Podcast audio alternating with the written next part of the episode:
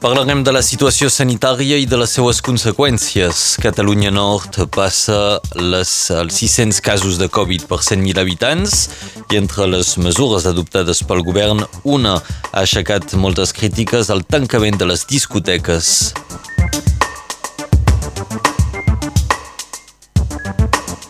Veurem també que a Catalunya Sud el govern vol ampliar el període d'ús del certificat Covid i que no només els humans patim d'aquestes malalties, d'aquests virus, les plantes també. Felip Durandeu, arboricultor a Eus, nos parlarà del virus de la xarca. Farem un punt sobre la situació de la campanya electoral francesa a casa nostra i un mot d'esports també perquè el Barça juga un partit molt important avui per la continuïtat a la Lliga de Campions.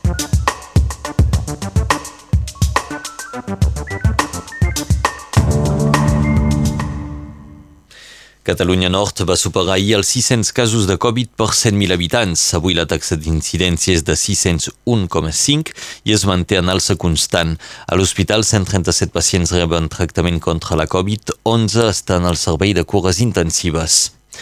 El tancament de les discoteques a partir de divendres ha aixecat les crítiques dels representants eh, de l'Unió de Mestiers de les Indústries de l'Hostaleria dels Pirineus Orientals.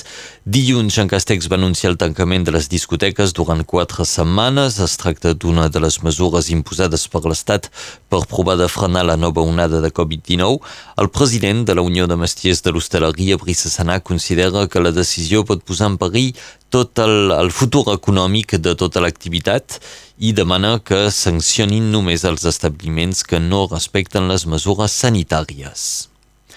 Les pandèmies també afecten les plantes. Fa més de 20 anys que un virus ataca els arbres fruiters de Catalunya Nord. La xarca és el virus de les plantes més devastador en els fruiters de pinyol. Les diferents soques d'aquests virus poden infectar els presseguers, abricoters, pruneres, nectariners, ametllers o cirerers. De moment, l'únic mitjà de lluita és arrencar els arbres. Però des de fa dos anys, cercadors de la Universitat de Perpinyà treballen per descobrir un remei per tal de parar aquesta pandèmia dels arbres. Més explicacions en Felip Durandeu, arboricultor a Eus. A les plantes també pot haver-hi bactèries i virus. Per exemple, n'hi ha un que està pensi que acabarà amb el cultiu del presseguer aquí al Conflent, és el virus de la xarca. Fa, bé, fa encara 10 anys, eh, el 2011, eh, no fa gaire, 10 anys és pas res. Bé, podies anar, per exemple, de Prada fins a Eus o de Prada fins a Vinçà i era tot, tot de camp de presseguers. I tot això per culpa d'un virus. I veieu que la tecnologia d'això de, de, de l'ARN missatger eh, veieu servirà un dia per vacunar els presseguers i els abricoters. Mm, de moment se'n va repàs. O és que si l'agricultura anava unida, per exemple, es podria decidir de, de treure...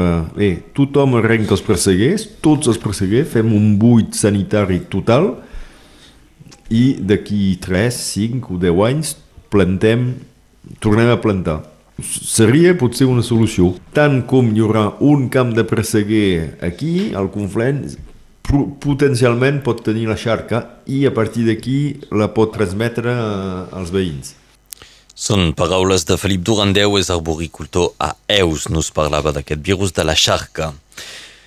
El Col·legi d'Argelès s'obre una cèl·lula psicològica després de l'agressió d'un alumne per tres adults. Els fets es van produir dilluns, quan tres familiars d'un alumne van entrar al col·legi per reunir-se amb la direcció, però un cop dins de l'establiment es van afrontar un jove per motius encara desconeguts. L'agressió va provocar un moviment de pànic al pati del col·legi. El cap de l'establiment i la família de la víctima han denunciat els fets a la gendarmeria i una investigació interna és oberta per aclarir els fets. 350 treballadors del sector mèdico-social van manifestar ahir a Perpinyà contra la manca de mitjans financers. Els manifestants denunciaven que els serveis d'ajuda i atenció als infants i adolescents estan plens i les condicions de treball no ajuden a suportar aquesta situació. Problemes de reclutament, de salaris i de personal, les reivindicacions són diverses. El Consell Departamental preveu fer votar mesures de sosteniment al sector de la protecció dels infants durant la setmana vinent. A Catalunya Sud, el govern vol ampliar el període d'ús del certificat Covid fins a les festes de Nadal. Si la Generalitat no obté el permís per allargar aquell termini, l'obligació de tenir certificat Covid s'acabarà aquest divendres, dia 10 de desembre. El govern també ha explicat que de moment no pensa ampliar l'ús d'aquest certificat més enllà dels àmbits en què ja es demana, és a dir, els bars, els restaurants, gimnasos, visites a residències de gent gran i també els locals d'oci nocturn. Parlem ara d'eleccions presidencials a l'estat francès. La candidata socialista Anne Hidalgo serà diumenge a Perpinyà per al seu primer acte de campanya. Hidalgo ha estat Perpinyà per presentar-se com a principal força per combatre l'extrema dreta. L'acte es farà al Palau dels Congressos a partir de la una i mitja de la tarda. I també ens interessem pel moviment d'Eric Zemmour. Ahir es presentava a Perpinyà aquest moviment de suport a la candidatura de, de Zemmour a les presidencials franceses. El responsable local del nou partit Reconquet es diu Bruno Le Maire, un antic membre del Front Nacional. Va ser elegit eh, d'oposició amb l'FN a Perpinyà entre el 2014 i el 2020. Recentment va ser apartat del partit per declaracions racistes i antisemites. Eric Zemmour hauria de fer campanya a Catalunya Nord entre la fi del mes de gener i principis del febrer. Un dels suposats assassins del periodista saudita Jamal Khashoggi va ser arrestat ahir a l'aeroport Charles de Gaulle de París. El detingut hauria format part del comando responsable de l'esquarterament del periodista al consulat saudita a Istanbul a l'octubre del 2018. El detingut de 33 anys i antic membre de la Guàrdia Reial Saudita és un dels 20, de les 20 persones cercades per la Interpol en relació amb l'assassinat del periodista saudita. I Xile s'ha convertit en el vuitè país d'Amèrica Llatina a donar llum verd al casament homosexual, una victòria pels moviments LGBTIQ+, que des de feia anys lluitaven per un reconeixement del 100% de les unions entre persones d'un mateix sexe. Ara la nova llei ha de ser signada pel president de Xile perquè sigui efectiva. Els esports i el Barça jugarà avui el seu futur a la Lliga de Campions en un desplaçament molt complicat al camp del Bayern de Múnich.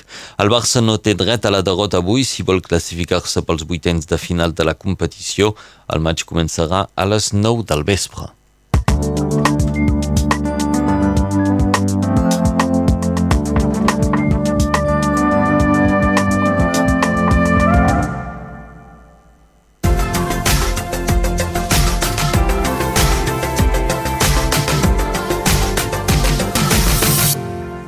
Per la Concepció fa el fred major. La temperatura ha baixat a tot arreu i neva o nevarà per sobre de 1.000 metres. El front fred que ve de l'oest se desplaça cap a l'est i s'obren clarianes a la tarda amb intervals de núvols. La tramuntana és present tot el dia a la plana i se reforçarà a tot el territori cap a la tarda. Tornaran a caure uns flocs de neu a Cerdanya i Capcí quan farà fosc, però no deixaran un gran gruix de neu, a les zones més oriental, en canvi, el cel serà estrellat. Tant les mínimes com les màximes han baixat. Per les màximes tenim 2 als Angles, 4 a Estabar, 6 a Fontpedrusa, 7 a Oleta, 9 a Caià, 11 a Illa, a Llupià, a Toluges, a Sant Genís de Fontanes, a Serret, 7 a Prats de Molló, 12 a Portvendres, 11 a Salses i 9 a l'Esquerda.